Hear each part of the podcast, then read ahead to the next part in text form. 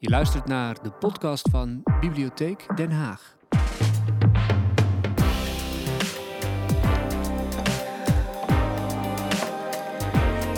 Good evening, ladies and gentlemen. A very warm welcome. Um, my name is Hasna Bouaz, and I'll be moderating this evening um, with two most interesting guests um, Remco Breuker, uh, professor specialized in Korea. You all probably know him from television, radio, and his articles and books. And a former uh, government official and poet, Jang Jin Sung. Um, I would like to just introduce Remco without much further ado. Remco Breuker, please give him a very warm welcome.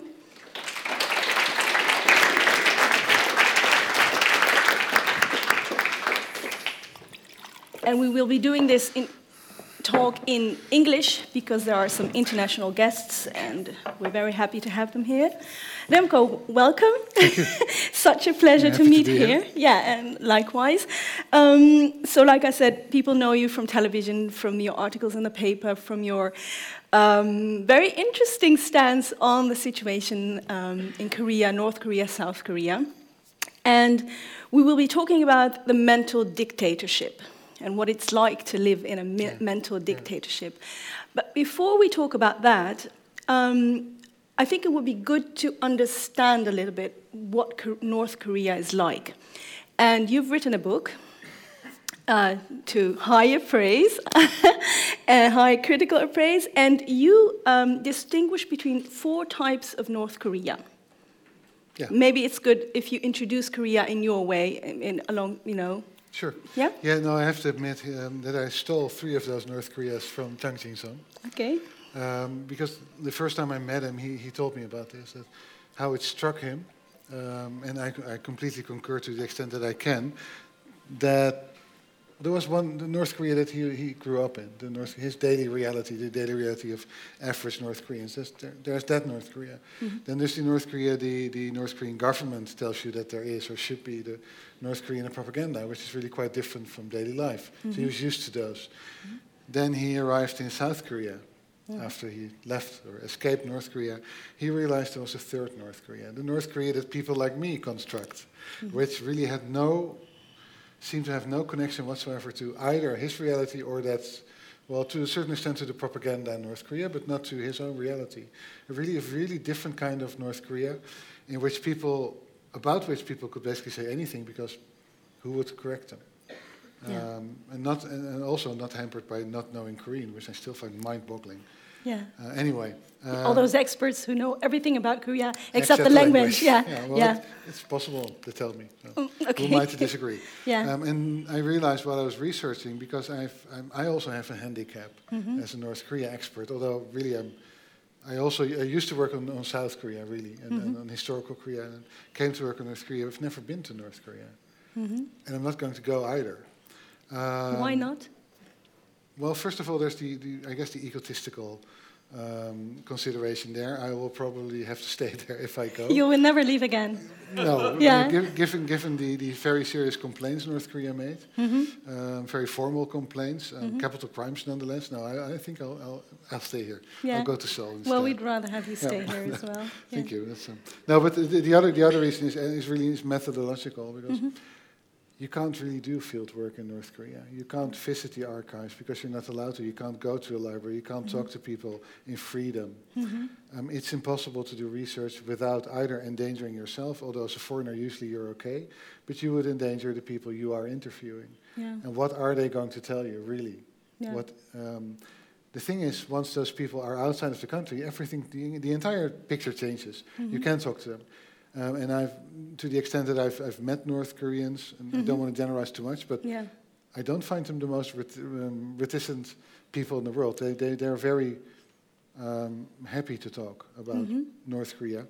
Um, and if, if you go to communities where there are plenty of North Koreans, I think that's the fourth North Korea I would Yeah. distinguish. And there are several of those, a kind of virtual North Korea, Mhm. in which things also, and this is another consideration, things that North Koreans knew inside of the country, but was compartmentalized knowledge Yeah. because you can't talk about it, or because you just you can't f- travel freely. Mhm. Um, outside of the country, they would well, put the pieces together and come to a different understanding about their own country, Yeah. which inside the country is just only possible maybe for the highest level, but not for the oth- for Yeah. other people. So, all put all those reasons together, I think there's a fourth North Korea, one that I visit frequently and, and happily, Yeah. and that's wherever there are North Korean exiles in some number. Yeah. Now you mentioned that it was uh, Jang Jin Sung that um, made you aware of um, this fourth Korea, or that you were do- Yeah, yeah. the first three. Yeah. So what were you doing wrong initially when you started working and you were working on South Korea? Yeah. What what made you? Yeah, What did what did you realize that you maybe you should change the way that you do well, many research? things, but I think the most important thing is that um, I fell for something all my colleagues fall for, I think, and most of us don't get up after having fallen. Um, wa- wanting to believe the best. Yeah. Um, basically, being, and this, I mean, for those who've seen me on Dutch television, uh, people are going to not believe that I'm saying this, but actually, I'm an optimist. Mhm. Uh, I'm not much. Um, um, also, with regard to North Korea, I thought that if we would approach it on its own terms, it would respond. Yeah. And we just hadn't been able to find the right way to approach North Korea. Mhm. Little did I know that generation after generation of scholars had done exactly the same to, well, you know where we are now. It didn't really help. No. Um, and the other thing I think I, I missed, and um, I, still feel guilty about that, is almost um, automatically I, I took as my well kind of partner or counterpart the North Korean state, the North Korean regime. And there's no, there's no reason whatsoever to do that. In South Korea, I don't do that. Mhm. In South Korea, my counterparts are either my colleagues or my friends or Mhm. not necessarily the state unless it's some kind of formal occasion. Yeah. In North Korea, however, it's the state you talk to. Yeah. Um, and I realized, and this is after talking to people like Jang Jin Sung, um, that's exactly the wrong person, or the, the wrong, not the person, but the wrong. Um, those are the wrong people to talk to. You need to talk, engage with the average North Korean to the extent that that is possible. Yeah. So I think if I did something wrong, I did many things wrong, but that would be the sin that may well land me in hell one day. I don't know.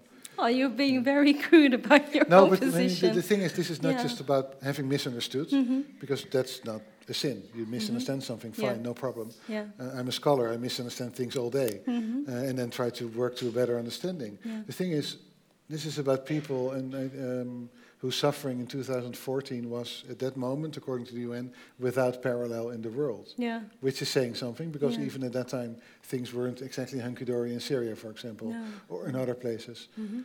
Um, and that's by playing into this narrative, um, basically you strengthen, um, you strengthen the, a regime that doesn't really care what happens to its people. Yeah. And I think we're in the, in the midst of strength, strengthening and legitimizing the regime, right? Oh no, no, we did no. This is this is this is the party for the regime. They, Yeah. They're doing great, and Yeah. everybody's congratulating them. Yeah. Nobody's asking, uh, inquiring after human rights at the moment. Yeah. Okay, because I definitely want to talk, you know, Yeah. delve deeper into that. Um, now, it is. It, it, people do say that North Korea is the most closed country. Yeah. People do not have any access to Yeah. internet, Yeah. no foreign media. Um, so, how does that work? So, how, how do people flee? I, I, w- I will be talking about, you know, how to flee a country like um, North Korea. But how do you how do you find the North Koreans in South Korea? How did they develop themselves? How did they educate themselves? H- How does that work? It's really different for everybody, I guess, Mhm. depending on circumstances. Mm-hmm. There is a lack of outside uh, information in North Korea. At the same time, um, I think South Korean soap operas are watched to, to an Yeah. incredible extent in North Korea. in the Um, Middle East as well. Yeah, no, it's, it's, it's everywhere. Yeah, it's everywhere. Yeah. yeah. No, but even in North Korea. hmm So there is outside dollars, but not much. Yeah. Um, and the way you develop, well, um, you develop into, or at least you're supposed to develop into a loyal citizen, upholder of the what's called the monolithic um, leadership culture, Mhm. cultus, I should say, perhaps. Yeah. Um, people being people, uh, and, and practice being slightly more um, I'm not sure what the right word here, but slightly more difficult in theory. Mm-hmm. Of course, many people don't. They and they things happen that make you realize that maybe things aren't as good as uh, the government tells you that they are. So it's it's really hard to say. And in Jang's case, and he- he'll have to talk about it. I Yeah. won't. But it's again really quite special. I mean, he's the only one I know that who followed that particular trajectory. Mhm. So it's, it's, it's difficult, but what you do see, I think, amongst the people I met, um, it, it, will, it will leave you traumatized. Yeah. Also because if you leave the country, which may, and I, I always used to assume Mhm. that it's because of political reasons, that's why you flee, because of the Yeah. unfreedom. Usually it isn't. Maybe it is for the high-ranking North Koreans. Mhm. It is, when they decide to leave, it's probably because if they don't, they get persecuted and they die and their families with them. Yeah. But for the average North Korean, often they don't realize they are fleeing the country. They go to China to do something, to trade things, buy things, sell them in Korea, and they find themselves in a situation where they can't re-enter the country. Then what should you do? You just become a refugee. But So what? Yeah. But how? How does it? Why do they are not? Are they not able to re-enter the It- country? it's different for everybody. What, Okay. what we, you But have to bribe somebody to leave the country. ah. Now, what happens if the guy you bribed on your way out and Isn't make there? an appointment yeah. isn't there? Yeah.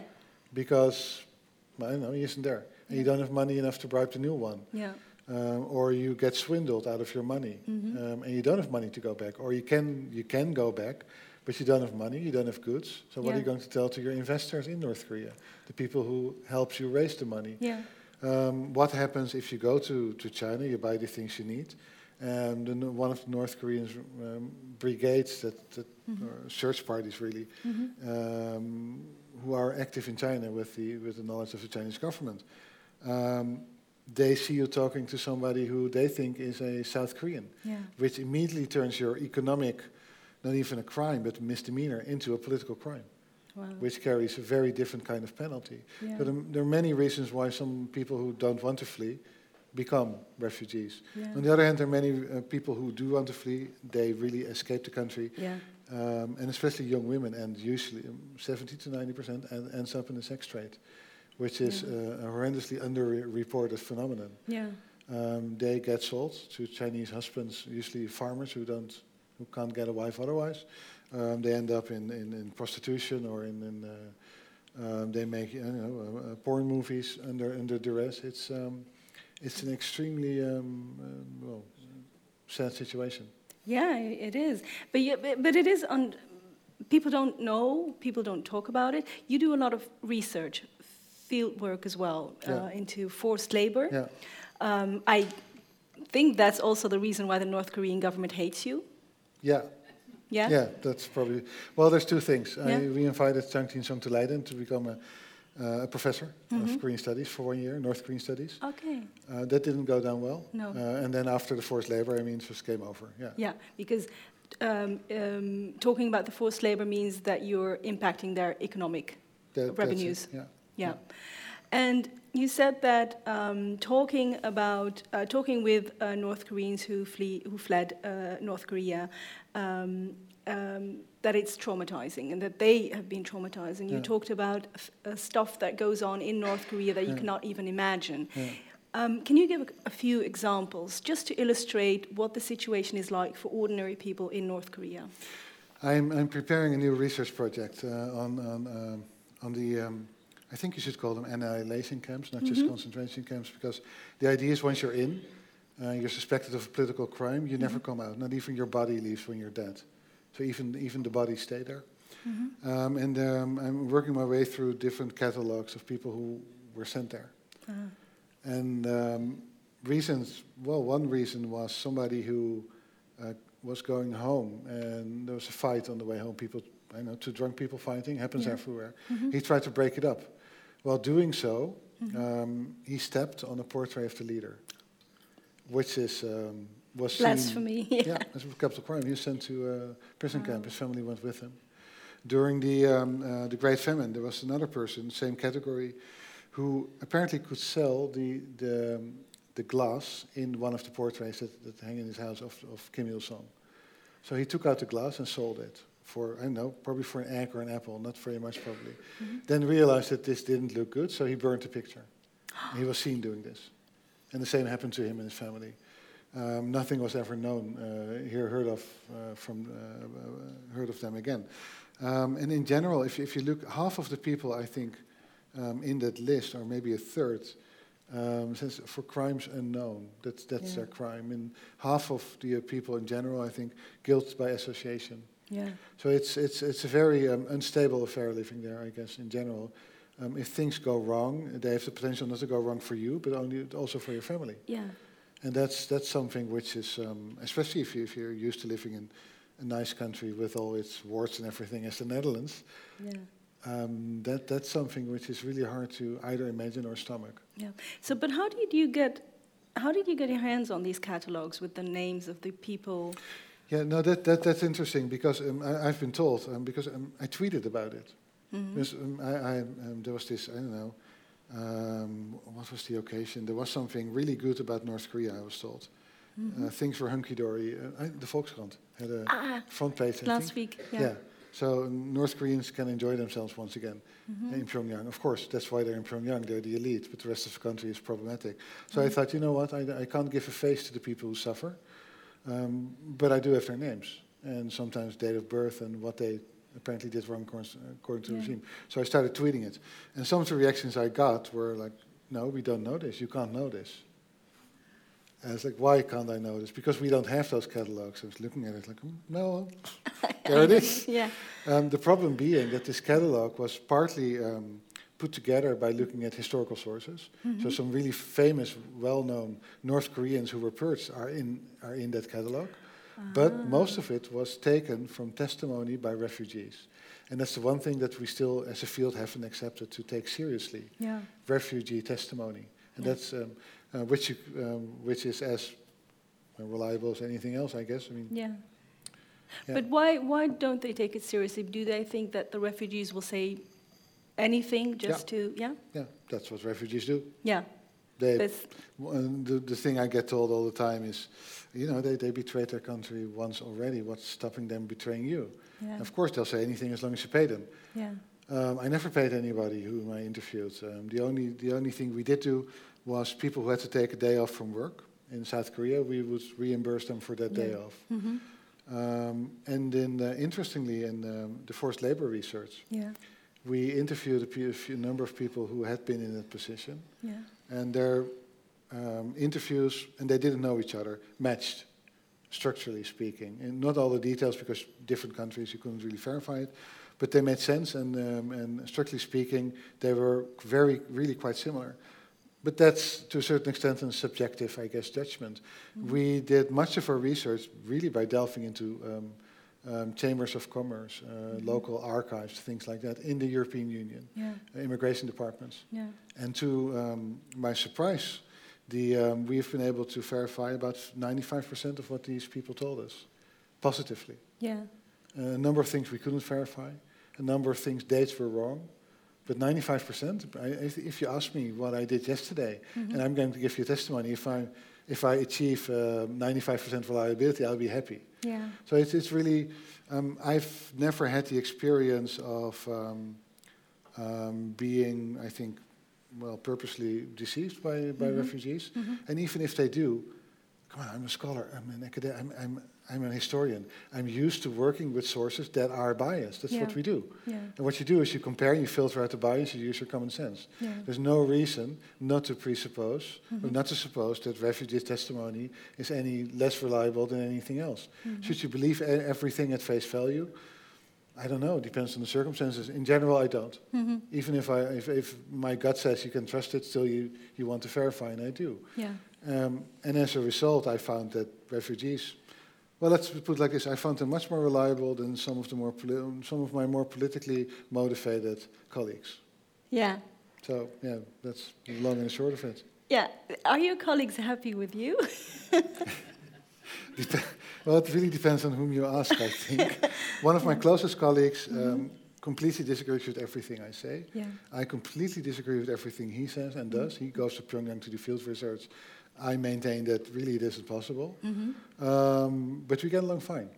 Okay. Um, although we really don't agree. Yeah. And we'll have and we get into these discussions all the time. Um, but that's the kind of, I guess, scholarly disagreement you need in the same, even in the same department. Dus, um, I never have to watch my back. I mean, he's No. completely trustworthy. Yeah. Um, and I hope he feels the same about me. I know what he's saying about me at this moment, but yeah. no, but um, but that's that is the exception, I'm afraid. Yeah, but so he goes to Pyongyang, Yeah. and you do your uh, research here and in South Korea. You've done extensive research in the forced labor. So what, is, what does he say? You're wrong about the forced labor. There are no forced. No, no, No? he doesn't know. No? Actually, that is a common response that I misunderstand forced labor, misrepresent it. Okay. Well, read the research. That's, that's usually the only thing I say, and then we'll talk. Yeah. Um, it, it's. I think we've, we've. No, I know for certain we've established that this is not only forced labor, but also human trafficking and, and, Yeah. and modern slavery. Yeah. But no, he doesn't deny it. He just. Um, he said, well, it's one part of North Korea. There, there, there are other sides to North Korea, and I'd like to focus on those sides because those sides, focusing on those sides, is more constructive. Yeah. I don't deny what's going on. I know there are concentration camps, but focusing on the camps means just angering the North Koreans, and we don't want to do. We don't want to do that. We want to talk to them. It, basically, I can hear myself talking six years back, so I should I should not be too harsh on him probably, but now I think well let let by all let's by all means anger the North Koreans. So what are they going to do? yeah. Hmm. What are, what are they going to do? I don't know. do? Let's ask them. Yeah. But they never come, so that's easy. Mm-hmm. Um, no, I think, and, and, and the problem is, and this is something you hear also on the highest political level. Let's let's let's not anger the North Koreans. They'll walk away, Yeah. and we won't be able to talk about unification. The thing is, if they walk away when they hear something they don't like, they're not ready for any kind of unification at all. Yeah. If you can't talk about what's happening in the concentration camps, Mhm. if you think it's okay to take 14-year-old, pretty young, talented girls away from their parents and raise them to be basically harem slaves, Yeah. because that's that's what it looks like, forced, well, sexual um, slavery. Yeah. Um, if you think that's okay, I I'm not sure where we're going to where we're going to But end up. yeah, but it is weird, right? If we have sexual slavery here, if we have forced labor, which is slavery as well, Yeah, no, I we don't do, think we would take people seriously who say, "But you know, there's another side to Holland. You know, we have nice tulips and stuff." Yeah. They would be angered. The, the human Yeah. rights would be an essential thing. Yeah, So what? yeah. Why is it that human rights are not that much of a priority when it comes to North Korea? Well, there, there are two things. I think from our side, human rights are just not sexy. Yeah, And, um, not anymore. I mean, yeah. I, once I, my, my research focused into human rights, I noticed um, there was a noticeable, I think, drop in attention. I was getting. Really? Yeah. Um, that, that's one thing. It's not sexy. It doesn't make you money. Mm-hmm. I mean, in- human rights are, are perceived as in between me and making money as a government, as a state, Mm-hmm. which may be the case, but they're also the, the thing that keeps us sitting here listening to something you may or may not agree with. yeah. So it, it's absolutely central to our way of life, I would say, Mm-hmm. in many parts of the world. Yeah. Um, in North Korea, the thing is, and this is, and I guess in the end, why I, why my opinion on North Korea really changed, is this: um, the the the the, the um, insight, the understanding that human right infringements, which I knew before that had been happening in North Korea, were not ex- excesses. They were not excessive to what was happening. They were actually structural to, to what's happening. North Korea, this regime needs human rights abuses in order to stay on top. Yeah. The moment it gives a bit more freedom, the moment it stops uh, pressing people um, or, or threatening people with torture and, and send, send them and sending them to, to, the, to the concentration camps, Yeah. the moment it, it releases North Koreans of the fear that something really horrible will overcome, will mm-hmm. happen to them and their family, mm-hmm. it's the moment this regime will have collapsed. Yeah. And that is just the problem because I used to think in a situation, I can imagine a situation, the Korean War, for example, the most horrible things happened during the Korean War. Mm-hmm. People did um, extremely horrible things, like killing a son in front of his mother, then taking out the liver, cooking it, forcing her to eat it on pain of um, having all her other children executed before her eyes. That's the kind of thing. I mean, this it's not for nothing the most bloody conflict apparently of the 20th century. Yeah. If you measure it per liters liters of blood per square meter, it's anyway. N- no matter how horrible that is, that is an excess. That wasn't. There's nothing that structurally demands these things um, to happen. You know it's going to happen because it's war. Yeah. But war is a special situation. Mm-hmm. There is extreme stress, there is extreme duress, there is mm-hmm. suffering, mm-hmm. which is all conducive to human rights infringements. Yeah. You can imagine that if you don't try to get vengeance, if you don't try to seek responsibility, accountability for what's happened, you can actually reach a solution. And there are plenty of countries in which this has more or less worked, Yeah. to the extent that anything will ever work in addressing those kinds of, of, Yeah. of horrible things. Um, but in North Korea, that, that's the problem. It's, it's structural. It needs to be there in order to maintain the status quo. Yeah. So, It- yeah. yeah. But it sounds like some countries use religion to keep people in Yeah. check, and North Korea uses fear. All Fear. fear combined with the uh, monolithic leadership cult. Yeah, it's Yeah. a horrible word. Yeah. Um, fear with the fact that the notion of being loyal to the supreme leader yeah. is the supreme um, value. Yeah. Everything is measured against that. Yeah. Those two put together, a very strong system which basically functions like a religion, um, with its own uh, writings, its own prayer halls, its own um, it was study halls where you study the words of, of Kim Jong Un, Kim Kim Jong Il, Kim Il Sung. It's just like an old-fashioned um, uh, Bible study here in the Netherlands. Bible. Yeah. Um, uh, with its own, uh, with every oh, oh, everything, e- even even saints or gods, I guess, the, the Kims, who are alive yet they are dead because you see their dead bodies in the palace. At the same time, read any Nor- North Korean pu- publication and you'll see that they're alive and they're with us, which is a very religious thing, I guess. Yeah. Which may only makes sense if you believe in it. It's, it's an act of, of, of faith Yeah. in order to accept that. So those two together make it so difficult Yeah. to uh, to get away from uh, oppression in North Yeah. Korea. And what can you tell us about the supreme leader? Because you mentioned him, and he, you know, he succeeded his father. There were all sorts of wild stories when he came into power. What do we know about him? Not very much. No. No, we don't even know when he was born. Ah. Uh, we don't even know how many children he has. Well, thanks to Dennis, Dennis Rodman, we know he has at least one daughter, ah. and he may have two or three children. We don't we don't really know for sure. The thing is, it doesn't matter no. because it's um, and that's the thing. Um, I think you're probably driving at that, but Mm-hmm. it's the innate Orientalism that is Yeah. part and parcel of the Dutch heritage. Not Mm-hmm. just Dutch; it's it's um, a European, also American thing. That when we look at North Korea, we see one person, Fu Manchu, Yeah. who managed to rule the entire country, evil genius by himself. No. Nobody rules a country by himself, No. ever. No. You need people around you. There's a system, and that's the one thing I try to do in my book is try to bring to, to map that system Yeah. to show how things worked. Mhm. And that's um, the interesting thing is the first thing um, before I'd met uh, Jang Jin Sung, I'd, I'd, I'd read his um, his articles in his in his in his newspaper Mhm. he had. And the first time I read it, I didn't understand it because the Korean was alien to me. It was a different kind of logic. I understood all the words, Yeah. and the grammar was okay, and still it just I didn't understand what it was saying. So, uh, there was enough in there to, for me to, to force myself to read it again. Mhm. Being naturally a lazy person, I didn't really want to do it, but I thought, well, you know, maybe there's something in it. I read it again and again, and suddenly, slowly, when I read other things, it dawned on me that this is a really completely new approach of um, towards North Korea. Much more systematic approach, a logical approach. Mhm. And all of a sudden, a country, and I never bought the whole thing about North Korea being irrational, ill- illogical. I find them pretty rational. Mhm. They know what they're doing. Mhm. But I hadn't seen the big picture behind it. No. And it, it took uh, people like Jung to make me see that, and that Yeah. there's a logic. And um, you really need, and that, that is why I'm really happy to be here, because I'm not alone explaining North Korea, because Yeah. that's always what happens. Mhm. It's always white guys, preferably bearded, professors at good universities, who will tell Yeah. you what the world is like, and Yeah. preferably in North Korea. Yeah. Um, there are North Koreans who can do a much better job than I can. Yeah. And, um, and, and that's, I think, also methodologically, I couldn't have written my book either without Jung or without other people I relied Mhm. on, North Koreans. Mhm. But in general, I think it would do as well, also to understand what's going on between North and South Korea now, Yeah. um, to understand Trump's um, perhaps unrequited love affair with Kim Jong Un. Yeah. Um, if you look at it through the eyes of North Koreans who actually lived in the country, who breathe the system, who know what it, who immediately know when something is off, Yeah.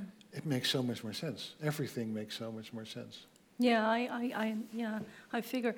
But I want to talk about Trump, but first let's talk about the system. You said there's a whole system, it's not just Yeah. a leader. So what have you, what kind of system have you found? How does it work? I mean, he has a whole, you know, bunch of trustees surrounding him. No, basically, uh, um, to a certain extent, his father's old old friends are still there. Um, his father is, is the person who built this kind of North Korea, Yeah. um, in which he sat at, at um, um, the center of North Korean power. Um, inside a, a bureaucratic department he had built to his own liking, Yeah. more or less um, coincidentally, because he was appointed to, to work there by his own father. Yeah. Um, and never, he was never meant to to uh, to succeed him. Mm-hmm. Um, and that's the place where basically everything gets decided. And once that's clear, um, it it does several things. It it looks um, all decisions, all laws, all policy, real policy decisions have to pass through there. For example, Mm-hmm. all appointments, high civil, civil and military appointments, um, need sanction from this department. Mm-hmm. All songs, I don't know, films, movies, TV series, books need a sanction also Yeah. at, the, mo- at, at the highest level. The reason for sanctioning or not sanctioning, or the, the, the criterion that is used, Mm-hmm.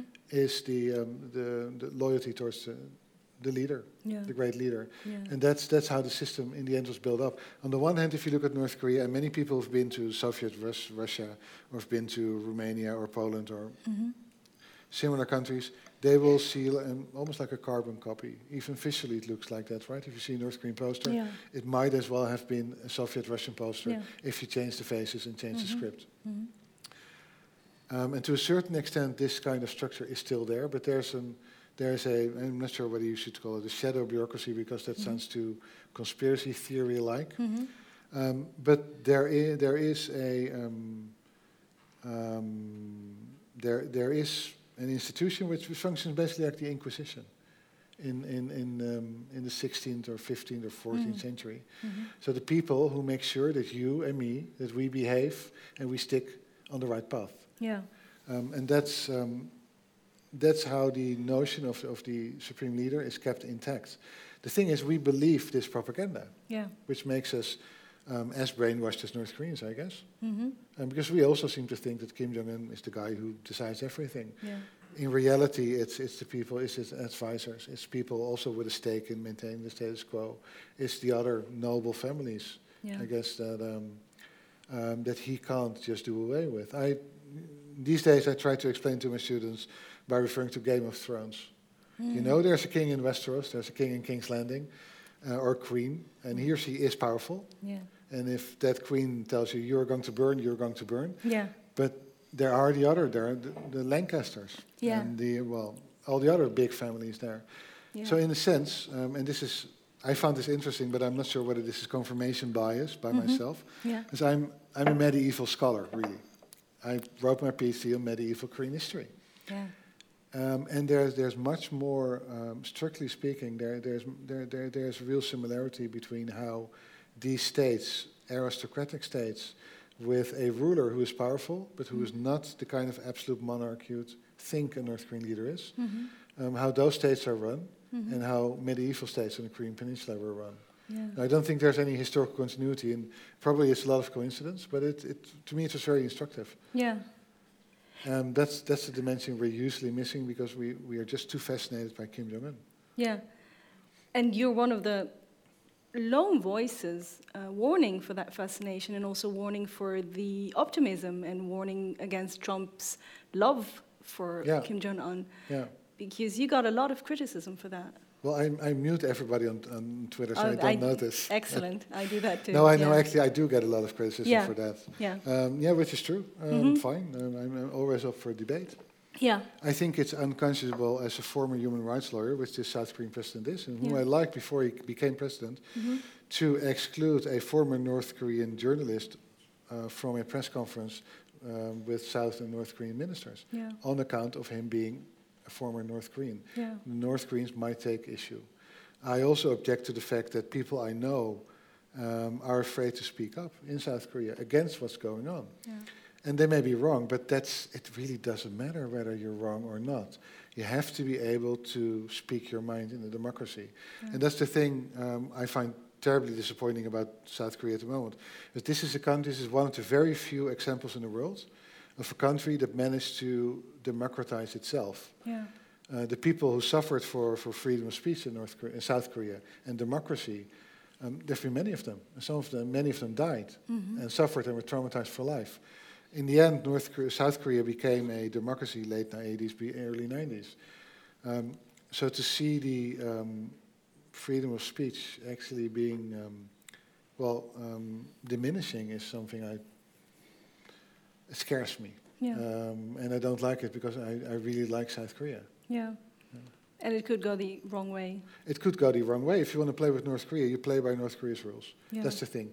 The thing about this, there's this, this system with this untouchable leader in the middle, and that's the one, the only thing that keeps the system running. Yeah. If you touch that, the whole system goes, and North Korea knows this. So the only way to keep this contained, um, the only way to keep this um, running is to keep it contained, yeah. which means there is a natural and quite, there's a- an immediate limit to how much interaction is possible with South Korea. yeah. So the, the trains that now will start running from South Korea to North Korea, I'm sure they won't, in, as a North Korean, you won't, be, you won't be able to board that train. And I think in the end, that's what it comes down to. yeah. Um, the focus on the precedents is, um, to a certain extent, is logical, but we kind of miss the entire North Korean people there. Yeah. We leave them out of the picture, and I think that's something I'd, I'd like to see that different. Yeah. If that means that people um, criticize me, fine. I've got, uh, by now, I, I think my skin is elephant-like. Yeah, yeah, yeah. Go ahead, take your best shot. But Yeah. um, it is the, the thing I don't like about it is frightening because Yeah. I think about 80% of my colleagues does disagree, Yeah. Which is also scary because it may mean that I'm just completely wrong, of course. Yeah, yeah. We will. I will. I, will- invite um, Jang Jin Ch- Song. But just one one last question before we um, introduce him. Is it at all possible uh, that at one point North Koreans will gather uh, courage and go to the streets like in Tunisia, for instance, in 2010, 2011, or are they too? I don't think you actually can do that. No, it's, No? it's um, the. Um, first of all, you have to organize it. Yeah. I wouldn't know how to do that Mhm. with the system that is in place, in which everybody. We were just um, uh, we were talking to Jang uh, during the interview, Yeah. newspaper interview, and he said the first time he was in North Korea and he was at his place of work, he thought people were avoiding him because he didn't have meetings.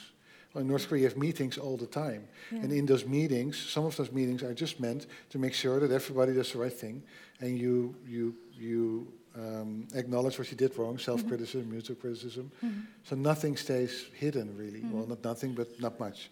If you want to organize something, an uprising like in Tunis or in other countries, you need to be able to organize it and you need to be able to not give it away to the authorities No. at an early stage. Yeah. Is that, is that possible now in North Korea? Mhm. Unless things are dramatically changing Mhm. uh, and people are not showing up to those meetings, Mhm. and in the absence of internet, it's difficult, Yeah, because you need if the not internet. impossible. Yeah. Yeah.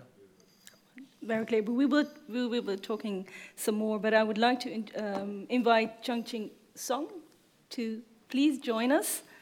Please give him a very warm welcome.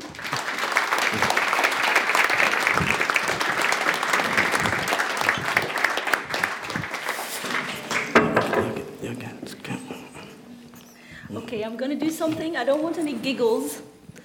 I'm gonna do something. Uh, e oshin kushul wang yong hamida.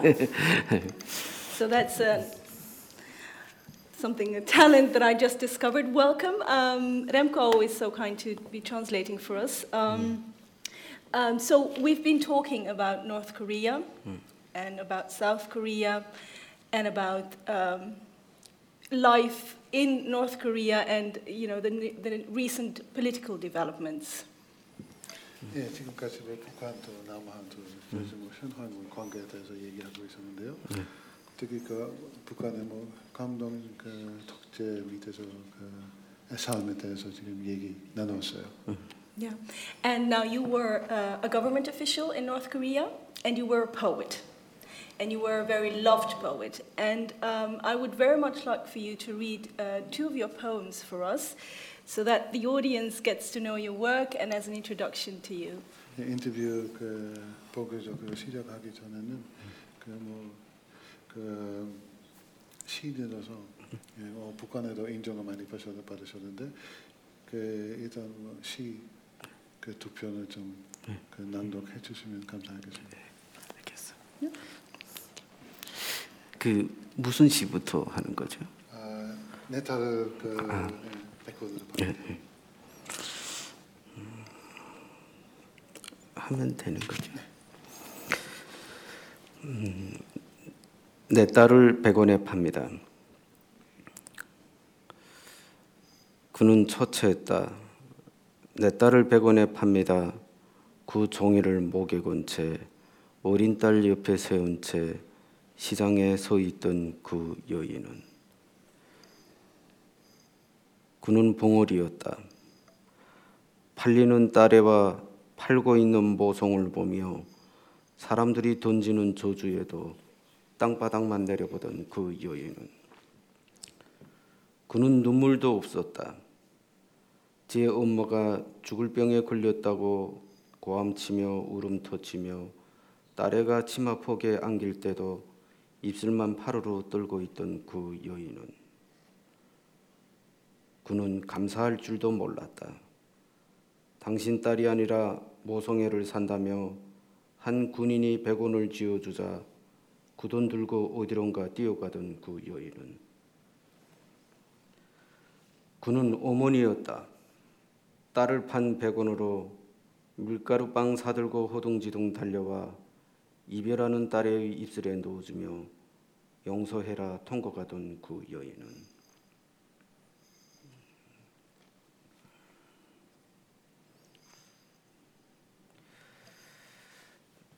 우리 삶은 아침에 잠에서 깨어나면 먼저 흔들어 본다 숨소리 가냘픈 동생을. 옆집 철이처럼 영원히 잠든 것만 같아서. 어머니가 늦어지면 바람 소리에도 귀 기울이며 가슴 저이며 온밤 뜬 눈으로 나를 샌다 어물집 아줌마처럼 스스로 목숨을 끊으신 것만 같아서. 우리 삶은 사는 것이 아니라 살아남는 것이어서 Thank you.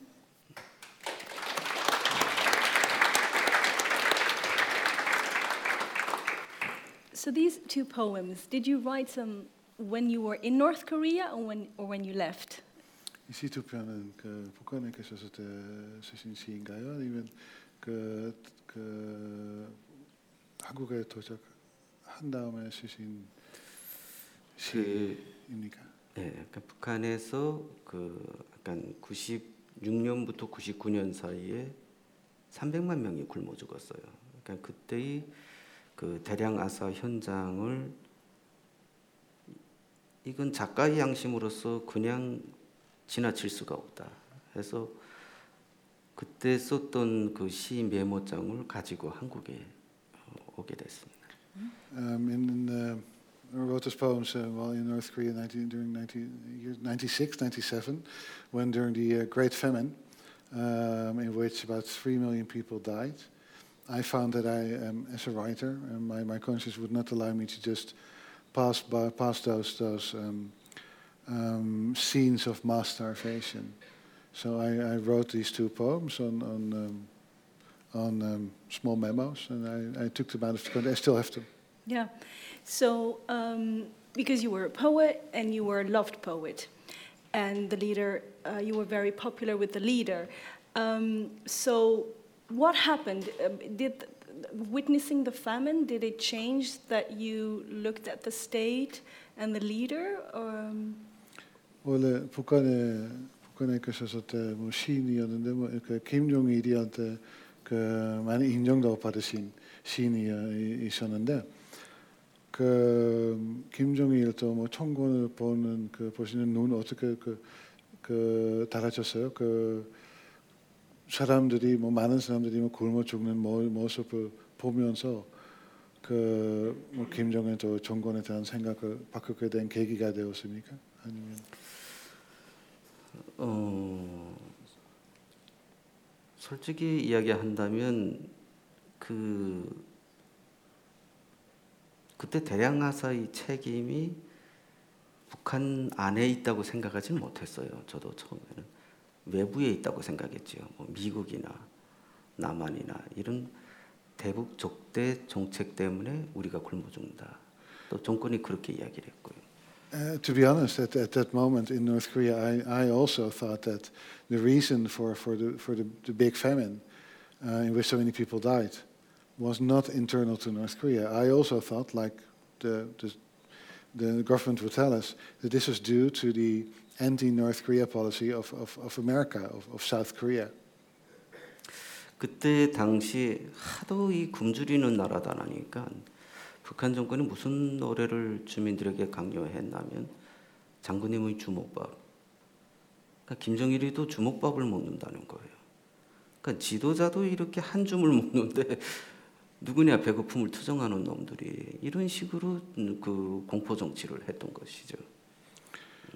During, during that time of, um, of uh, people dying everywhere of hunger, starvation, starving, um, there, there was this song that, that the North Korean leadership um, emphasized everywhere. And, um, uh, about the great leader living, um, uh, g- or lasting an entire day on one just um, bowl of rice That fitted in his, in, his, in his palm of his hands.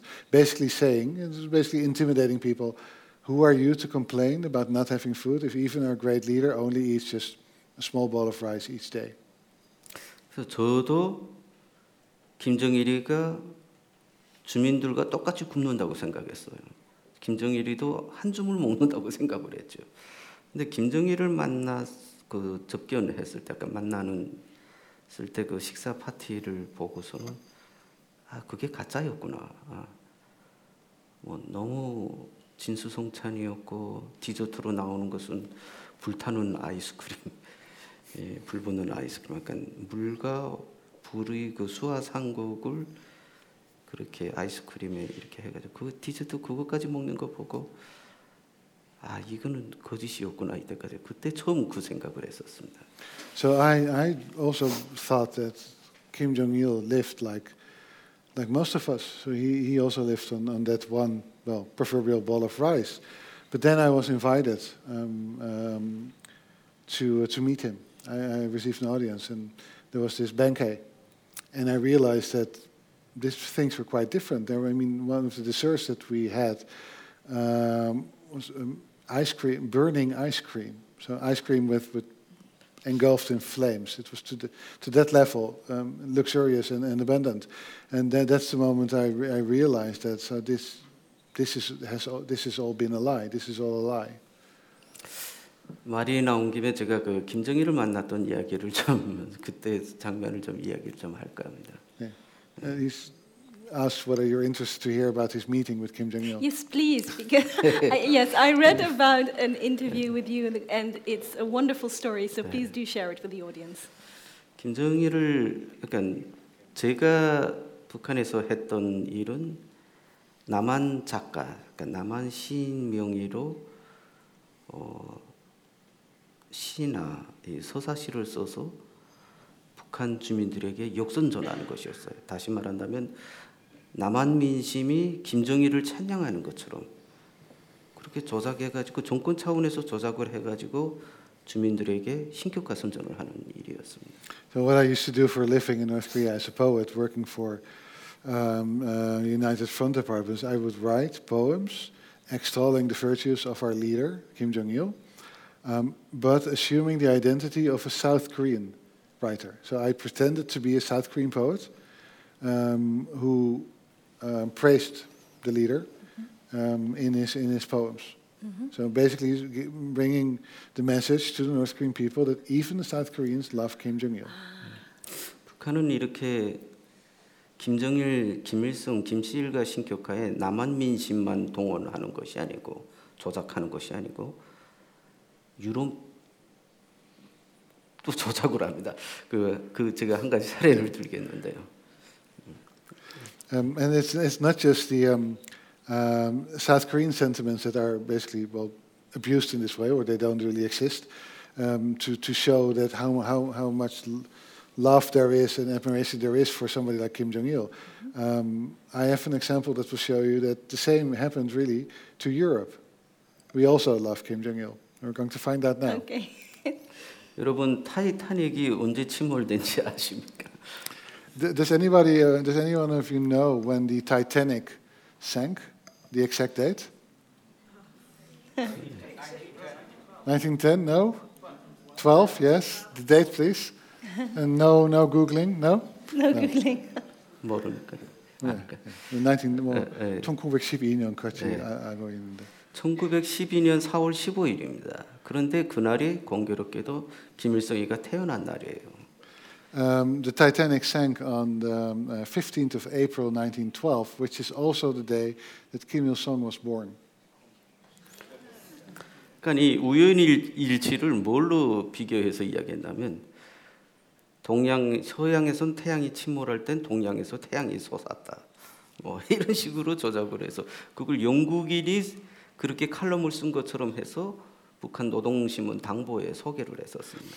So in the uh, Nodong Shinmun, the, uh, p- um, the, um, the main state uh, newspaper, a party organ, uh, p- party newspaper, I should say, um, there is this article written by a, um, well, not really, but written by a, a, a British um, um, person who notices this um, coincidence, which according to him is not a coincidence, because the moment the sun sets on the British Empire, because the Titanic the the symbol of progress um, went down.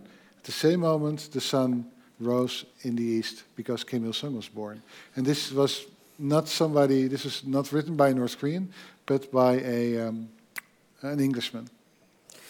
저는 그 남한의 시인 명의로 그 김정일을 찬양하는 서사시를 썼고 그래서 이것이 김정일 눈에 들어서 어, 김정일이가 불러서 어, 그래서 그 접견 장소로 가게 됐습니다. So um, I, I wrote a similar poem, like uh, well, structurally speaking, a poem with the same kind of message, but then uh, about um, um, about this South Korean poet worshiping and praising Kim Jong Il. Um, Kim Jong Il got to hear about it. He liked it, and he invited me to one of his palaces.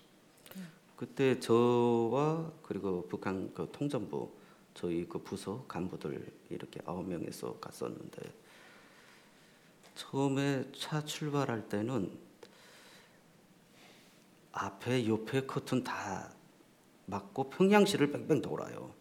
그러니까 이 길 혼동감을 잃게 하도록 하기 위해서 어, 그렇게 한, 한 시간 동안을 그렇게 차로 계속 돌았습니다. 그리고 도착한 것이 어디였냐면 용성역이라고 북한에는 김일성, 김씨 일가만 이용하는 1호 역전이 따로 있어요. 그리고 김일성 일가만 다니는 1호 고속도로가 따로 있습니다. 그러니까 이 1호 역전에 도착했던 겁니다. So I, I was picked up together with other um, high officials of the department I worked at, the, the, the United Front Department. Uh, we were put in, uh, in cars, blindfolded, and taken around Pyongyang for one hour. We had no idea where we were going. We were just going from place to place. And finally, we arrived at um, um, uh, uh, Yongsong Station, which is um, a number one station, um, where the number one train arrives, which is which means everything that has the the epithet number one means it's only for the use of the leader and his family, the Kims, the Kim, the house house of Kim, really. So it's exclusive, um, exclusively reserved for them. 그 영성역에서 기차를 타고 강원도 원산으로 또 어, 이동을 했습니다. 역시 어, 커튼을 다 닫힌 그런 열차였습니다. Um, so we we, go, we boarded the train and we went to the northeast to uh, Wonsan, Uh, coastal city, um, uh, where Trump likes the real estate. Apparently, he said, um, in in in a, in a train with the curtains closed. 그 역에서 김정일 초대서가 갈마 초대서라고 그 섬이었는데 거기까지 또 오래정을 타고 들어갔어요. 그런데 그 군인들이 경호 군인들이 그 1인당 이렇게 뒤에서 어, 벨트 역할을 하는 거죠. 이 개폐가 배 파도에 휩쓸리지 말라고. 어, 그렇게 해서 어, 갈마 초대소로 들어가게 됐습니다. Uh, from there, we went to um, a resort on an island, Kalmacho, um, by boat. Um, but it was the waves were quite choppy, and there were um, uh, bodyguards, um, military army bodyguards behind each of us, and they, they would hold us like this. They basically functioned as um, safety belts To make sure that we wouldn't be swept away by waves or that nothing would happen or that we couldn't do anything. We went to the island like that.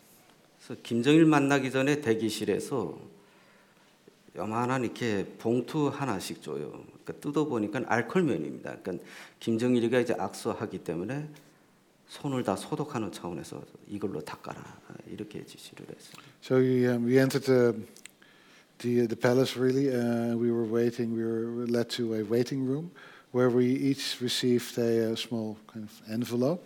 When we opened it, there was um, um, a, um, a handkerchief drenched in alcohol in it. So we could clean, completely disinfect our hands because we were going to shake the hand of Kim Jong Il, and you don't shake it. Well, you don't shake his hand if your hands are dirty. so they, your hands had to be disinfected. 그리고 그 시계 그러니까 이런 금속은 무기가 될 수 있기 때문에 흉기가 될 수 있기 때문에 이것은 회수하면서 어, 이제 김정일을 볼 때 두 눈을 보지 말고 김정일이 이 두 번째 단추를 보라. 아, 그러니까 시선을 좀 아래로 해라. 이렇게. Uh, we had to uh, take off our watches because you can, well, hurt him or wound him with a watch. It can be become a weapon.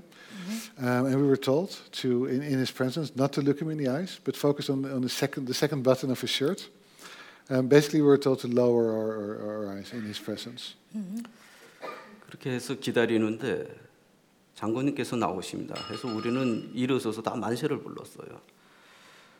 그런데 이렇게 강아지가 먼저 막 뛰어 들어오고 김정일이는 그 강아지 쫓아서 들어오더라고요. So we um, went to, to the hall where he would, would appear, and then somebody announced him, the, the, the general is coming. So we all stood up and we started shouting Manse or Long live the general.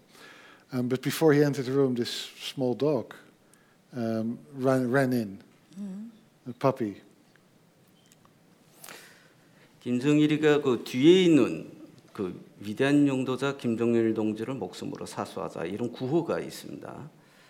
근데 그쪽으로 오더니 그걸 가만히 봐요. 그러더니 이게 수혜실이냐, 손수혜냐, 아니면 에나멜이냐 이렇게 물어봅니다. 그러니까 간부가 아 이거 손수혜다. 하니까 그런 에나멜보다 보기 좋은데 왜 이걸로 안 했냐? 다른 데는. 그러니까 이게 수입산이기 때문에 비싸서 그런다. 하니까 전국적으로 이걸로 다 바꿔 이렇게 이야기를 하는 거 보서 저는 그때 주민들이 굶주리는 상황이었기 때문에 아, 저 돈이면 쌀을 사오겠는데 이런 생각을 해보았습니다. So in the, um, in the end, Kim Jong Il entered and he was looking at this, at this banner, a slogan which said, um, "Let's we will protect the life of our dear leader with uh, with our lives." And he looked at it for a while, was silent. He said, "Well, how was this made? Was this made by hand, or was this was this uh, was this imported from abroad and it's more expensive?" And um, they said, "Well, this is made made made by hand." Um, um, he didn't like it, so he wanted to in the entire country it needed to be changed for, for the, the more expensive version, which had to be um, imported from abroad because it was so expensive. And remind, let, I mean, don't forget, this is during the famine. no? Nobody Yeah. had to eat, there was no money. Yeah. 저는 그때 김정일 만나는 장소에서 가장 기이했던 것이 두 가지가 있었습니다. So when I, um, when I met Kim Jong-il, there were two things, two really strange things. 첫 번째는 키높이 구두였어요. 어, 그 와인을 이렇게 부어주는데 거기에 가서 이렇게 허리 숙이면서 보니까 구두가 밖으로 한뭐 거의 힐 수준이었죠. 한 20cm 정도. 그래서 그러지 않아도 나라에서 제일 높은 어른인데 왜 저 저 위에 올라와야 될까 이런 생각을 해보았습니다. The first thing was the fact that, um, I'm not sure what this is in English or in Dutch, to be honest. Um, it's the thing you put behind, be, beneath your shoes to make yourself, you, yourself look Oh, the taller. soles. No, this is a bit more than soles. Yeah, Oh. but it's well, basically it's the soles. So he Um, to look taller. Yeah. Um, so when he when he approached to receive his glass of wine, I mean, you look downward, you can't look him in the eyes, and he noticed that his shoes were 20 centimeters higher than they should have been. Oh, plateau shoe. Pla- yeah, that's that's the word I was looking for. Plateau Yeah. shoe. Yeah. Yeah. And, and, and he remembers thinking, well, this is the most important, the highest person in the country. Why on earth does he need to be 20 centimeters taller than he actually is? Yeah. 두 번째는 김정일이가 우는 것을 보고 굉장히 당황했습니다. And the, the second thing is um, the way Kim Jong Il left was extremely embarrassing. 그 러시아 그 파티 장소에서 러시아 민요 그 가수들이 나서 러시아 민요를 부르는데 전혀 슬프지 않은 노래예요. 근데 그걸 보고 김정일이가 손수건을 꺼내서 이렇게 눈물 닦는 겁니다. Sorry, I mistranslated that. Um, no, um, it's not, not the, the, the way he laughed, the way he cried. Which, um, to my own defense, um, it's, it's the same pronunciation. Okay. so the, the thing We'll that was forgive most you. embarrassing is the way he cried. There was, there was, Yeah. uh, the party was starting, Yeah. and they were playing uh, Russian uh, folk songs, Mhm. which weren't um, sad at all, and he started to cry, and he was using a handkerchief to, to um, dry his Yeah. eyes. Yeah. 저를 더 당황하게 했던 것은 그 간부들이 김정일이가 손수건을 꺼내니까 막 어린애처럼 왕왕왕 우는 거예요. And to my surprise, all the uh, high officials started took out their uh, handkerchiefs and they started to cry with him. 저도 울어야 했습니다. 왜냐하면 안 그러면 나도 뭐 이렇게 될 것 같아가지고 어, 좀 무서워서 저도 눈물을 흘렸습니다. So, and I realized I had to cry as well because otherwise it's my head. And so um, I was so afraid I actually started crying. Ah. 저는 그때 김정일이 눈물을 보면서 무슨 생각이 들었냐면 눈물은 흘릴 줄도 알아야 하지만 참을 줄도 알아야 되는 거거든요. 근데 이런 눈물이 감정은 실현당해 본 사람, 행복을 원하는 사람, 뭐 여러 인생을 살면서 축적된 음, 그런 감정의 결과인데 김정일이는 태어날 때부터 왕의 아들이었기 때문에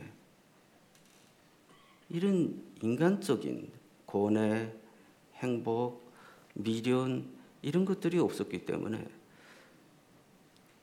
그 눈물을 통해서 자기가 인간이라는 것을 확인하고 싶었던 것 같다.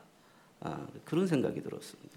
So what I, what I was thinking when I saw him crying, I realized that usually when you, you know, there are times to cry, there are times to not, not to cry, um, to, to, to just suck it up. Um, and I realized in, in general, you cry because something has happened. You hurt or something terrible has happened or you've lost somebody.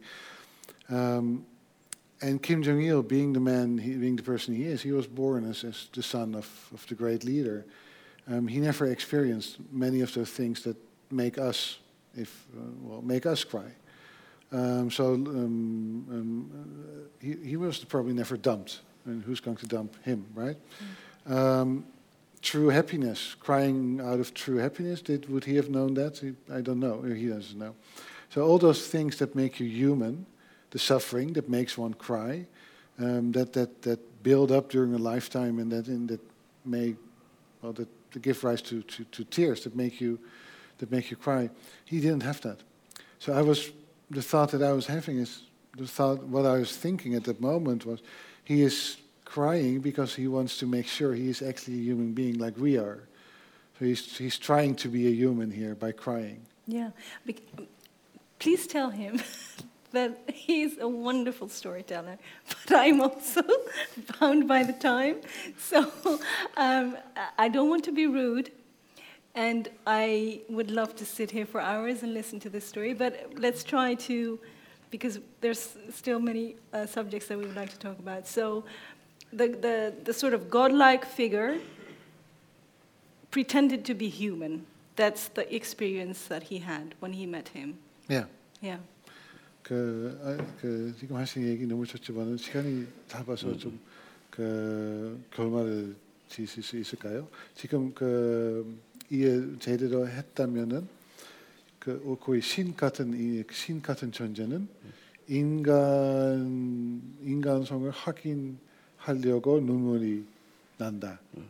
그 이- 인간처럼 눈물 뭐 그, 난다고 그 그거 마- 맞아요? 네, 그, 그, 그렇게 한다면 일종의 그 기형이죠, 기형. 음. 그러니까 남을 인간으로 취급하지 않는 남의 인간성까지 짓밟으면서 자기 권력을 채우겠다는 그런 독재의 야욕이 결국 자기 자신부터 인간 기형으로 만드는 것이죠. 그 기형. 기홍. 네. 어, 변형 좀비처럼 이렇게 예. 예, 그런 거. Um, 그 나머지는 까먹었어요. 죄송해요. 죄송해요. Ik- 그러니까 I asked him something, I forgot what he said. 남의 인간성을, 예. 그러니까 주민들이 인간성을 무시하고 Yeah. 그 인간성을 빼앗아서 네, 그것까지 네, 네. 독점하겠다는 그런 권력 야욕 독재가 네. 결국은 자기 자신부터 그렇게 좀비로 인간 좀비로 만든다. 네. 인간 좀비. 인간 네. 변형, 네. 약간, 약간 네. 비인간으로 nee, nee, 만든다. nee. There's, um, this is somebody who has always ignored uh, the humanity of others, and basically is trying to steal the humanity of so take away, take their humanity for himself. And, and this is what this, this this dictatorship is. It it changed him or changes our people into almost like zombies, like Yeah. um, um, misshaped people Yeah. pretending they're human, but really they aren't because they don't even recognize the humanity of others. They can't. Yeah. That's what he saw there. Yeah. And I read that uh, he gave you um, a Rolex as a gift in, uh, in the midst of the famine. 그때 그 롤렉스 뭐그 시계도 받았. 놀랐어요. 네. 저는 그게 비싼 시계인 줄은 몰랐었어요. 근데 한국에 와서 보니까 그게 비싼 시계인 줄 알고 아 주긴 줬구나 이런 생각을 했던 거죠. Uh, no, that's right. He had no idea that actually was an expensive watch. He thought, "Oh, it's a watch, great." And only when he arrived in in uh, in in, uh, um, in South Korea, he found out that oh, uh, so actually he did give me a nice gift. No was, idea. you, were, you were a rich man. You, were- you arrived in South Korea a rich man. 그뭐 시간이 없다니까 뭘 결론적으로 네, 이야기할까요? 예. 저는 그 the conclusion is coming now. 예, 시간이 없다니까 제가 북한 체제에 대해서 이야기한다면 우리가 북한이라고 하면 정치범 수용소, 공개 처형 어, 이것만을 생각합니다. 그런데 북한은 양대 독재가 있어요. 그 권력 독재만 있다면 이 전론발이 정권이죠. 이게 3대 세수까지 못 갑니다. 이 3대 세수까지 가도록 지탱하는 것이 바로 그또 다른 다리가 독재의 다리가 뭐냐면 감성 독재입니다. So if we th- if we t- uh, think about North Korea, we of course we see the concentration camps, and the public execution, terrible things like that. Uh, but that's not the whole story. had, in fact, North Korea, the North Korean regime, only um, leaned on, on, on physical repression, there's no way it could have lasted for the three generation it has already lasted. Mm-hmm. It needs another leg to stand on. It needs two legs to stand on. The one leg is physical repression. The other one is mental or, or psychological repression. Yeah. The mental dictatorship we were basically yeah. discussing that. Yeah, but so how how did you escape the mental dictatorship? Kam, kam sem tog si. 제가 벗어날 수 있었던 것은 제가 그 통전부에 다니면서 통전부 직원들에 한해서는 그 남한 작가 명예로 글을 써야 되기 때문에 북한 2천만 중에서 150명에게만은 남한 소속을 허용을 합니다. 근데 저는 그 남한 소속을 보면서 이 동전이 양면처럼 비교가 되더라고요. 똑같은 민족인데 반- 하나는 선진국이고 하나는 후진국이고 어, 이런 차이를 느끼다 나니까 조금 북한 정권에 대해서 이렇게 그 이면을 에, 보게 됐습니다.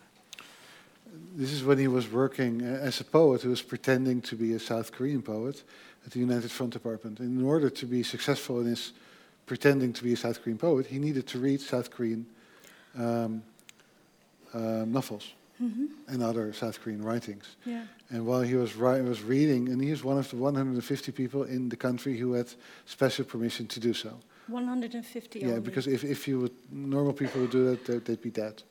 Okay. If he would take out the book, um, take it home, he'd also be dead. So it's, um, anyway, he was, while he was reading it, he was realizing that there's something amiss here.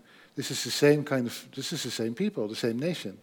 Um, 50 years ago, we, we were the same people. Yeah. And yet we are here in this horrible mess. We are a underdeveloped country, and there's South Korea, a high developed country. So he was, while he was had access to those writings, he realized that there was another side to the North Korean um, regime. Yeah. And so um, you fled the country, and you went to South Korea. And how did you find South Korea? How did you? What was the very first impression that you had arriving there? 그걸로 그 뭐, 뭐, 뭐, 말하자면 그 탈북하셨죠. 북한을 떠나고 한국에 가셨는데 한국에 도착하셨을 때 한국 어떻게 어떤 인상을 받았어요? 한국이라는 나라에 대해서 어떻게 생각하셨어요? 도착하셨을 때? 저는 너무 와보고 싶었던 자유 세계였기 때문에 어, 아파트에 짐을 풀기 바쁘게 서울거리를 새벽 3시까지 방황을 했었어요. 제가 예. 어, 새벽 3시까지 예. 서울거리를 방황하면서 정말 사람들이 스치는 말 한마디 행동 하나하나가 저에겐 너무 감동이어서 그렇게 가고 있는데 갑자기 뒤에서 택시기사 아저씨가 꽥 소리를 질러요. 눈 감고 다녀 이 바보야 그러는 거예요. 그런데 저는 그때 웃었습니다. 왜냐하면 아 나도 이젠 자유세계에 당당한 바보가 됐구나 하는 생각에 그, 그 뭐라고 할까 저는 한국의 도로가 차가 많고 뭐 이거 아파트 아 그러니까 불빛이 뭐 화려하고 이것보다도 사람들이 그 자유로움 억제받지 않는 그런 언행들 그것에 더 큰 감동을 받았어요. Well, he had arrived in the country he had, he had desperately longed to, to, to, to go to, so he was there. And the first night he was able to go out by himself. He just wandered the streets for three hours, just marveling at everything around him. And all of a sudden there was the, the car behind him and hung, uh, um, um, Honking. honking and um, calling out to him, "Hey, asshole, get out of the way!" And um, he remembers thinking, "Oh, great! So I can be an asshole too. People can call me an asshole in this country where everybody's free." Yeah. Um, so he was just. This was all of a sudden possible, um, and he, he realized, and he, re- he said that he was he was not he was a bit impressed perhaps by the many cars and the good roads and the high-rise buildings and light and el- electricity everywhere. But that is not in the end what impressed him. What impressed him was the fact that people were free. It showed, and they could do whatever they wanted to do, and they were they didn't receive any kind of they weren't under any kind of control Yeah. like he was had been at Yeah. home. And did you feel a kinship to the South Koreans? Did it feel like you were among your own people? 근 한국에 가셔서 가, 가, 어, 한국에 가셨을 때 한국 사람들은 뭐 같은 민족, 같은 교대처럼 느꼈어요? 아니면 어, 한국에는 그 탈북자에 대한 차별이 조금 있어요.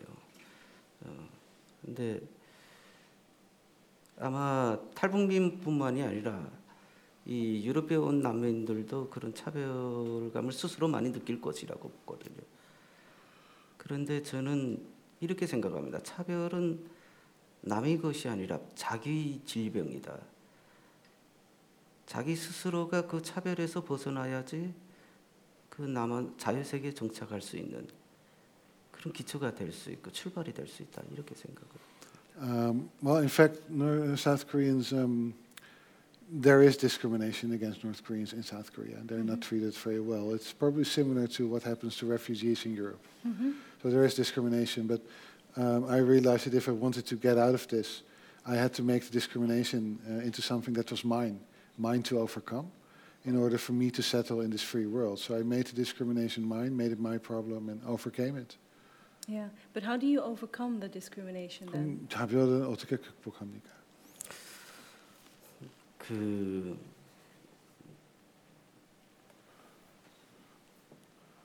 저 같은 케이스는 조금 좀 틀렸죠. 약간 한국 정부에서, 그러니까 제가 북한에서 그 통전부에 근무를 했었기 때문에 어, 저에게 뭐 첫 출근할 수 있는 좋은 직장을 주었고 집도 주었고 어, 그래서 솔직히 저는 개인적으로는 그렇게 처음에는 차별을 못 느꼈어요. 그런데 살아가면서 다른 탈북민들을 보니까 또 그들과 연관된 사람들을 이렇게 보니까 아 차별이라는 것은 엄연히 존재하는구나. 그래서 저는 어, 그것을 극복하는 방법은 저 개인이 노력에 달려 있다고 봐요. 그리고 어, 가장 중요한 것은 어, 이 탈북자들이 남한 사회에서 정착에 실패하는 것은 어, 이 정서의 실패거든요. 정서적으로 안착이 되지 못했기 때문에 그 나머지 기, 타 경제 생활에서도 실패를 하는 겁니다. 그러니까 그런 정서의 정착이 우선적으로 어, 그것에 어, 제 자신도 또 그렇게 노력을 했고요. 어, to be honest, I, I, I, was lucky, or he was lucky in the, the sense that because of his previous work in North Korea, uh, at the highest level of government, he was immediately given a very good job and mm. the house and everything. So for him, it was easier to overcome this. But if, uh, while looking, and this is something I realized while looking at other North Koreans who have trouble settling in, if they, um, um, and they are being discriminated against, but what you notice is that the one thing that makes a difference and that he also had to adjust to is that if you don't settle emotionally in, yeah. uh, in, in, South Korea, yeah. if you don't form an emotional bond with South Korean society and your, your environment, no matter what you do, you will probably fail at it. Also economically, in terms of getting a job and holding a job and building a life. Mm-hmm. And that's the one thing he sees, well, as the main reason for failure among North Koreans settling in South Korea. The, the, the impossibility for some of um, also settling emotionally yeah. regarding, so this is not something he said, but me interpreting, yes. regarding South Korea as your home. Yeah, because it, it never is. Well, there's that. It may, no, yeah, it yeah. may not ever be. Yeah. yeah.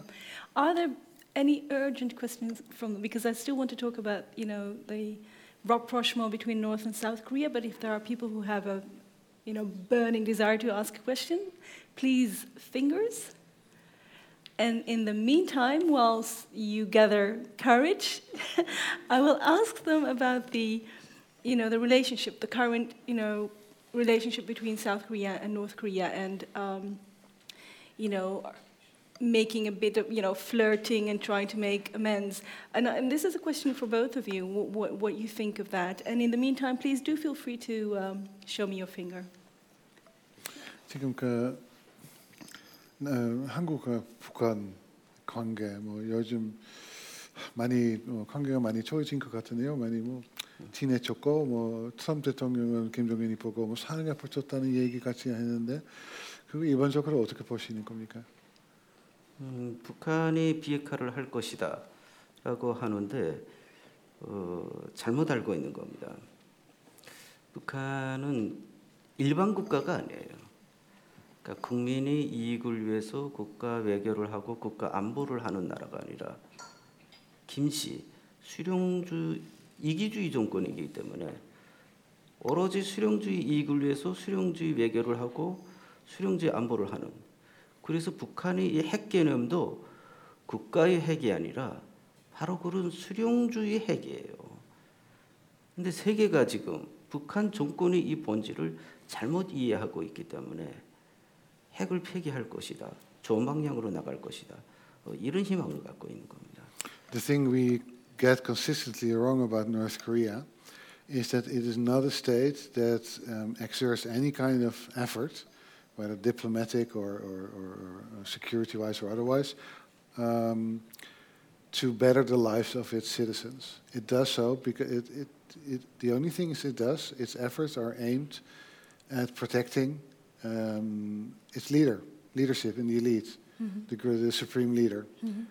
So the state is there to serve the leader and not the other way around, and not there to serve the people. So the, the, the nukes that uh, Trump is so sure of that they're, they're going to, he's going to negotiate them away, they are not there to protect the country. They're there to protect the leadership, um, which means that um, the logic that would normally, I guess, be expected uh, uh, from a state that is in a situation as this does not apply. Because this is not about the well-being of the people. This is about staying in power for, for, for the leader and the people around him. Yeah. Questions, uh, Tom? Yeah. Um, uh, there is a. Okay. And please keep them short. Oh, sorry, I'm just curious with the sort of assassination of a North Korean um, official in Malaysia recently, like sort of having such a public um, profile as a, a defector. Have you felt safe, or has the North Korean straight, state tried to exert influence on you, kind of since you left? 아, 김뭐 김정남이 뭐 암살 사건이잖아요. 그 암살 사건 때문에 그, 생, 그, 그, 그 질문을 하게 된 건데 그 지금 뭐그 북한 정권에 대해서 뭐 비판적으로 뭐 그 보시는데 그건 안전 안뭐 어, 그, 아니 그 뭐까 그 북한에서 그 상대편님을 뭐, 해, 뭐 해치는 그런 그 그런 뭐그 시도가 있었나요? 뭐 아까 좀 안전하게 편하게 살 수 있나요? 이렇게 뭐 그 북한 정권이 그러니까 정권 차원에서 공개적으로 저를 테러하겠다고 이렇게 정권 차원에서 성명을 발표를 했었습니다. 그래서 어, 한국에서 저는 현재 어, 24시간 그 경호를 계속 받고 있습니다. Now, the, the North Korean state has um, officially announced several times that it would kill me. Um, so in uh, in uh, South Korea, I'm, I'm I'm I'm always 24 hours a day under the protection of um, of bodyguards. So yes, there is there is there is a reason to um, um, to be very cautious. Over there. There's a young.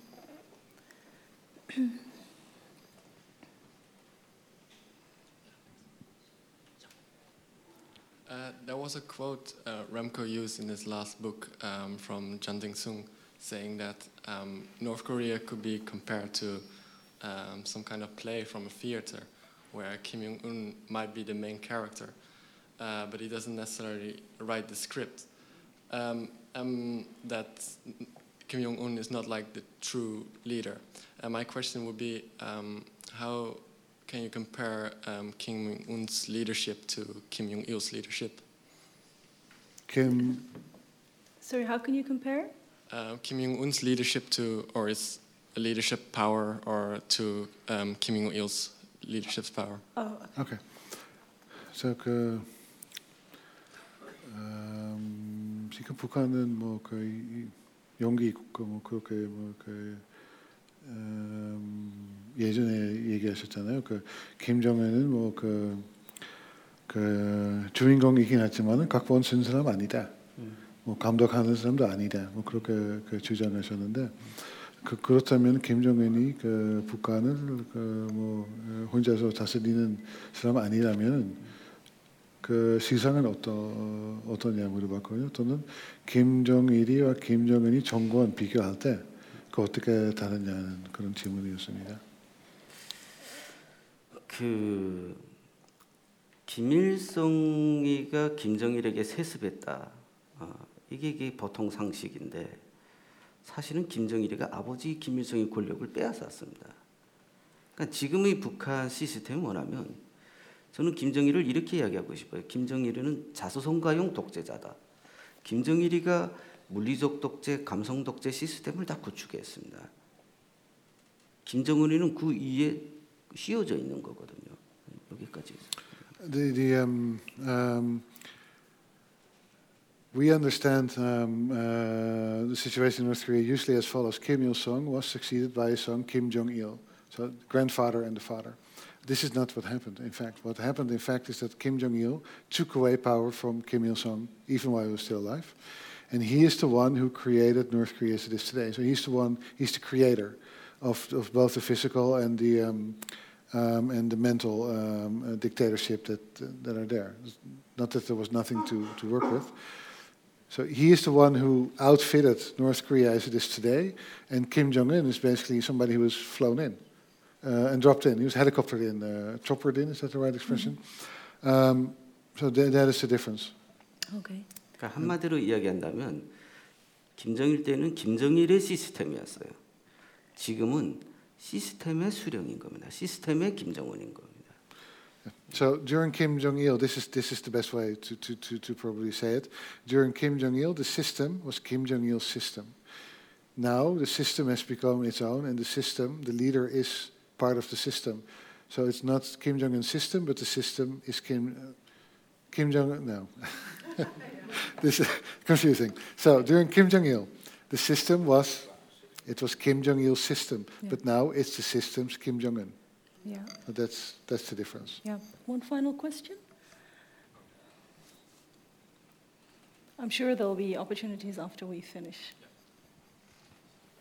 Ik vraag het even in het Nederlands aan Remco. Eh, in je boek heb je geschreven dat eh, de toeristen die eventjes eh, ruiken aan het eh, Noord-Korea-regime en het programma wat ze aangeboden krijgen, dat dat eh, van weinig invloed is en misschien eh, ook een verkeerde indruk maakt door het programma wat je aangeboden krijgt.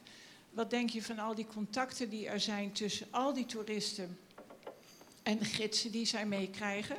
Denk je, eh, waar soms ook wel persoonlijke gesprekken zijn, denk je dat dat enige invloed kan hebben? Want er zijn heel veel toeristen, soms mensen alleen, die twee gidsen bij zich hebben, die Mhm. een week of langer met elkaar optrekken. Wat heeft dat voor een invloed, denk je? Kan dat enige invloed hebben? Dat is vraag aan mij. Ja. Eh. Ja. Ja, ik denk als het enige invloed zou hebben gehad, dan hadden we al verandering gehad. Hoeveel toeristen zijn er wel niet in Noord-Korea geweest? Hoeveel Noord-Koreanen zijn er al niet in het buitenland geweest? Er zijn er, ehm, as we speak, zijn er 150.000 ongeveer in het buitenland die werken voor de staat. Toen ik daar kritisch over schreef, was het eerste verwijt dat ik kreeg, en terecht, en het is een goede discussie, het niet mee eens, van nee, je bent veel te negatief. Dit zijn mensen die snuiven hoe het is in het buitenland. Ze gaan terug, verdienen geld en ze gaan de boel veranderen.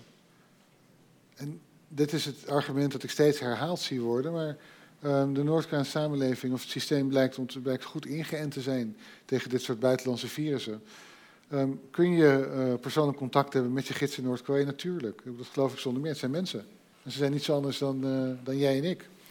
Ehm, is, zijn die contacten opgewassen tegen dit systeem? Gaan die verandering brengen? Ik hoop, ik denk het niet. Ik hoop dat ik ontzettend ongelijk heb. Maar ik heb het nog steeds niet zien gebeuren. En hoeveel mensen moeten er nog gaan, moet de hele wereld op een visite gaan voordat dat gebeurt? Ehm, da- daar lijkt het wel een beetje op, want er is nog steeds helemaal niks veranderd. Dus ik ben daar ik ben er sceptisch over. So the, just a quick recap in English Oh, for sorry, those no, that yeah, it's I should okay for those who don't speak yeah. English. The question was whether you know the tourists who visit North Korea and um, you know uh, get in touch with um, local guides and local people, and if that could be of any help or uh, any influence. And uh, Remco is very skeptical because he said there have been so many tourists who've gone there. There has been so much um, people have been in touch with uh, people over there. So um, it hasn't changed anything. No, so well, what do we? I, I- Yeah? I, I probably have to withdraw some of my words. It, did, it, it does change things. It does. no, okay. it does, yeah. Okay. It so changes our perception within of a North Korea. minute he has Yeah. changed his opinion. Okay, go ahead. No, Yeah. Mm-hmm. it's the other way around. I think it works, it works wonders for North Korea. For one uh, for it, North it Korea. changes our perception of North Korea. ah, okay. Because we tend to equate yeah. the people we meet, Yeah. who are probably very nice people, Yeah. and I'm not being cynical, Mhm. with the system. And So it's sort of propaganda for the state. yeah, and it works. Yeah. Yeah.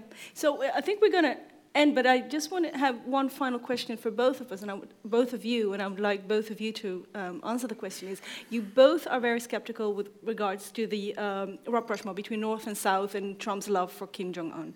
Um, you both said that our logic here does not apply to North Korea. So, what does work? What can the world do? What can leaders do? What can people do to actually force some sort of change uh, in North Korea? And I would like both of you to Yeah. um, answer that. 그 장대표님하고 저도 사실 그러는데 그 지금 북한 남한 그 저어치는 뭐그 관계 뭐그 그 저어치는 것을 보니까 지내치는 것을 보니까 뭐 진짜 회의적이죠. 이거 뭐 그 좋은 걸로 뭐 그렇지 않을 거라고 뭐 생각하신 것 같은데 뭐 저도 마찬가지지만은 근데 그거 뭐 안 된다면은 그 좋은 걸로 뭐그 그 끝날 수 없다면은 어떻게 하면은 북한 상황을 북한 주민 상황을 조금 더 좋아질 수 있을까요? 뭐 북한 상황을 개선시킬 수 있는 방법이 있다면은 뭘까요? 저는 그 우선 그 북한을 정권과 주민을 분리시켜야 된다고 봅니다. 자꾸 북한이라고 하면 북한 주민까지 통틀어 가지고 그렇게 생각을 하는데 이 정권은 주민을 전혀 그 주민의 삶의 질이라든가 그들의 운명에 대해서는 전혀 상관없는 그런 이기적인 정권이기 때문에 이런 정권과 주민을 분리시켜서 보는 그래서 유럽의 대북 정책도 분리적 교류라고 하는데 아니 비판적 교류라고 하는데 독재를 비판하되 교류를 해야 된다.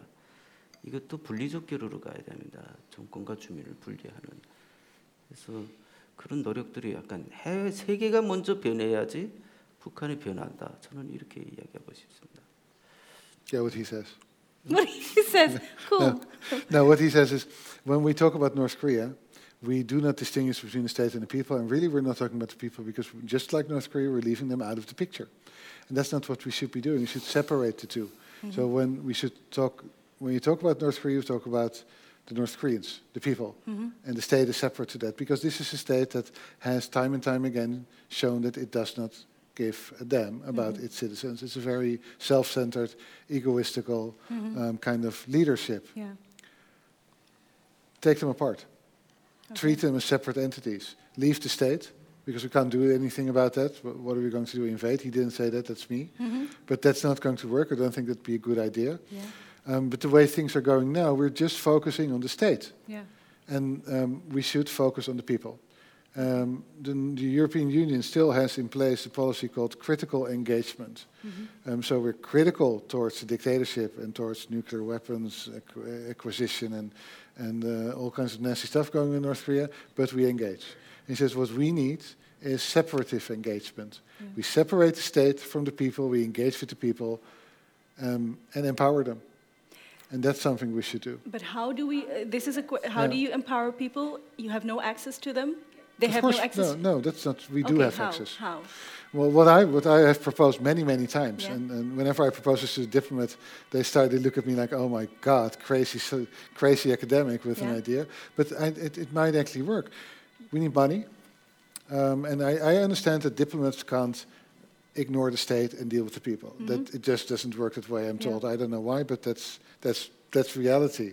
Yeah. So what we should do is, I know, take one, 100 million euros and put it in a fund, give it to NGOs, send them to China, invest in the people that cross the border each day or each month to buy stuff in, in, in, in China. Give them microcredits. Do not expect that they will ever pay back. $100 per person. It's enough to keep you going for a year with your family, which means that everything you earn, you can reinvest in your, in your business. This means that the black markets that the state relies upon, because they don't have a public distribution system anymore, mm-hmm. will grow. And, and these people will manage, will find more ways to become independent from the state than before. You're slowly empowering them. Now, is this going to be next? If we do this next year, things are okay? No, No, this may take 20 years. But I don't see any alternatives. Um, really, I don't see any Yeah. alternatives, and I don't think neither does he. But I think the most important lesson from this is first, let's trust North Korean refugees Yeah. to deal with the country as they see fit. It's their country; it's not ours. Yeah. Just let's empower them, give money to their to the things they think that might work. And this is one of the things I would I would I would Well, I think we should do. yeah. Another thing I think Yeah. we should do, and he didn't mention this, but Mm-hmm. um, we do agree on this. We should stop pretending like Kim Jong Un is um, is just a huggable teddy bear. Yeah. And whether, and um, I, I'm not referring to him personally because I don't know him, but he stands for a system that is one of the more most inhumane systems that we probably have seen on this earth. Yeah. And we treat him like a bloody rock star. Yeah. Um, so we are, in that sense, complicit to what's going on in North Korea. Yeah. And also, um, now you got me going, so I'm not going to stop very easily. no, one, one more minute. Yeah. Um, the other way we are complicit in what's happening because we buy stuff that is made by North Korean slave labor, basically. Yeah. I'm not going to ask you to take off your clothes to see whether uh, inside your clothes there's this label that says made in China. If it is, chances are that it's not made in China, but really it was only assembled in China, everything was made in North Korea. Same with ships we use in the Netherlands, built by North Korean slave labor. And the list goes on and on and on. It's in a way, last year was a bit well, we all came close to nuclear war. But apart from that, it's bloody convenient to have a country like North Korea. We can all hate it, we can all be fascinated, be tourists, marvel at how everything is different. Oh, these people are really strange, but Yeah. uh, what fun we have. At the same time, we fund their nuclear weapons program by buying ships they make and by wearing the clothes they make under the worst possible conditions. So that, yeah. So it, it's, I think it's time. It, this is not. This is not about North Korea only. This is also about us. We are as no, not as complicit as Kim Jong Un. That would be ludicrous to say. But if we don't realize that we are complicit in this, nothing is ever going to change. No, that's very clear, and you've or, uh, offered us two very concrete steps that we can take: help the Kore- North Koreans, microcredits and stuff, and stop funding the, the the forced labor slavery and stop funding the state. I think that's very. These are very wise words to end this evening on. Before I thank my guests and your guests, I just want to tell you that we will have other interesting evenings here at the library. Friday, the, the 9th of um, November, the wonderful Arnon Grunberg will be talking to Abdelkader Benali about his new book. We have on Friday the 16th, so that's one week later, Dancing Bears, Polish writer Wit- Witold Szabłowski on nostalgia for communism. And then on the 28th of November, Indies Outers, Indian, Indian Parents, Stories Behind the Silence, Reggie Baay and Adriaan van Dis. Yay. And the 14th of December, Hanna Bervoets and Martijntje Smits will be talking about uh, a monster book. Um, this has been, I, I always say that it's very interesting and I could talk for hours and hours to my guests, but really, I could have talked for hours and hours. It was, it was amazing to hear stories from within. It was a privilege to hear these stories from within uh, from you. So I want to say kamsahamnida.